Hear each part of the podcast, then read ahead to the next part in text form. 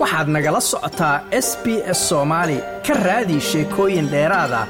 s b s com au xariijin soomaali afalka ayay gebagabo u maraysaa inay soo xulaan guddi madax bannaan oo dibu eegid ku sameeya eeda waaweyn oo loo jeediyey kooxda kubadda efalka ee hawthorn cayaartooy hore edi bets ayaa sheegay inuusan isagu la yaabin eedahan wuxuuna ku baaqayaa in dibu eegid buuxda lagu sameeyo dhammaan kooxaha efalka oo dhan. Iyadoo ay cayaartii u dambeysay ee efalka la qabanayo sabtidan bishuu tahay labaataniyo afarta madaxa cayaaraha efl gillan mclauglan ayaan waqti badan u hayn cayaarta finalka ah maadaama ay socdaan hadalhaynta eedaha loo soo jeediyey kooxda hawthorn eri bets oo isagu cayaartooy hore ahaa kana soo jeeda bulshada dalka loogu yimid ayaa fox sport waxa uu u sheegay sida uu uga naxay ugana xumaaday eedahan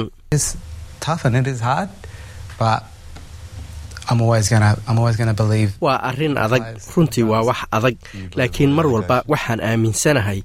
ciyaartooyda iyo walaalahay. marka waad aaminsan tahay dhammaan eedahan la soo jeediyey inay sax yihiin ayaa la weydiiyey ninkan. wuxuuna ku jawaabay mar walba way dhacayeen waana la soo kornay dhibaatooyinkan. Mana aha efalka oo keliya waa wax ka jira dhammaan bulshada oo dhan ayuu yidri dib u eegid kooxda hawton ay ku samaysay sidii loola dhaqmay cayaartooyda ka soo jeeda bulshada dalka loogu yimid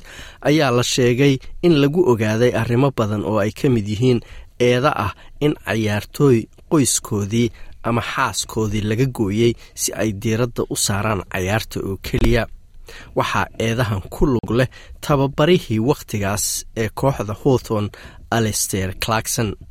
wuxuu sheegay inuu aad uga naxay eedahan. Dadka warbixintan qorayse aysan isaga la soo xiriirin oo wax su'aala weydiin. Chris fagan oo hadda ah isaguna tababaraha kooxda brisban ayaa sidoo kale warbixinta lagu xusay wuxuuna si buuxda u dafiray eedaha loo soo jeediyey isagoo sheegay inuu aad uga naxay eedahan qalbijabna ay ku tahay madaxa efl gillan mclauglan ayaa la hadlay bets iyo cayaartay kale oo ka soo jeeda bulshada dalka loogu yimid kadib markii arrintani ay soo baxday waxay la tahay inay dhibaato weyn wajahayaan ayna ka murugaysan yihiin ayuu yidhi. Inkasta oo hadda koox kastaa leeyihiin xiriiriye u dhashay bulshada dalka loogu yimid haddana waxaa jira baaqiyo lagu doonayo in arrimahan waxyaalo dheeraada laga qabto. Madaxa efl ayaa sheegay in naadiyada cayaaraha eflku ay ka shaqaynayaan in matalaad dheeraada oo heer guddiga sare ee maamula kooxda ay ku yeeshaan bulshada indigenesku bets oo laftiisu ka soo jeeda bulshada dalka loogu yimid ayaa doonaya in dibu eegid dheeraada lagu sameeyo dhammaan kooxaha eflka ee hal koox oo keliya aan diiradda la saarin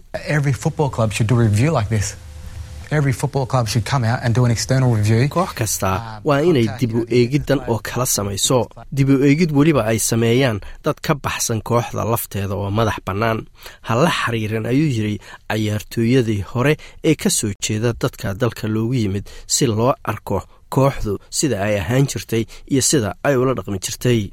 laakiin gillan mclauglan ayaan ballan qaadin taas isagoo sheegay inuu hadda mudnaanta koowaad siinayo dibu eegidda arrintan hadda socota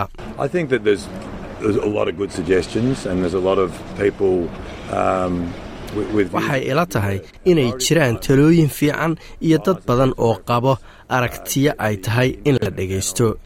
mudnaanteennase koowaad hadda waxaan siinaynaa sidaannu u dhammaystiri lahayn tixraaca ama sida ay u shaqaynayaan guddiga madaxa bannaan ee aannu ku dhawaaqnay.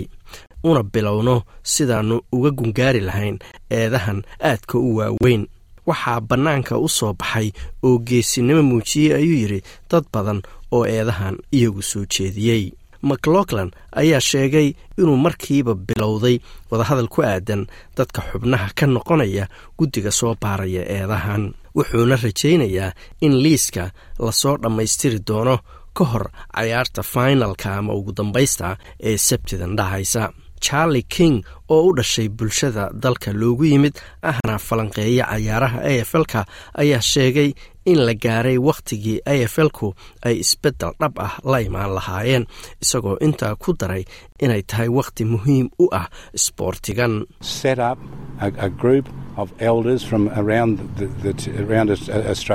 ha la abuuro koox duqay ah ayuu yidhi oo dalka oo dhan ka kala yimid. Intay rabaanba ha noqdeen tira ahaane. Hana dhegaysteen buu yidhi waxa talooyinku ay noqonayaan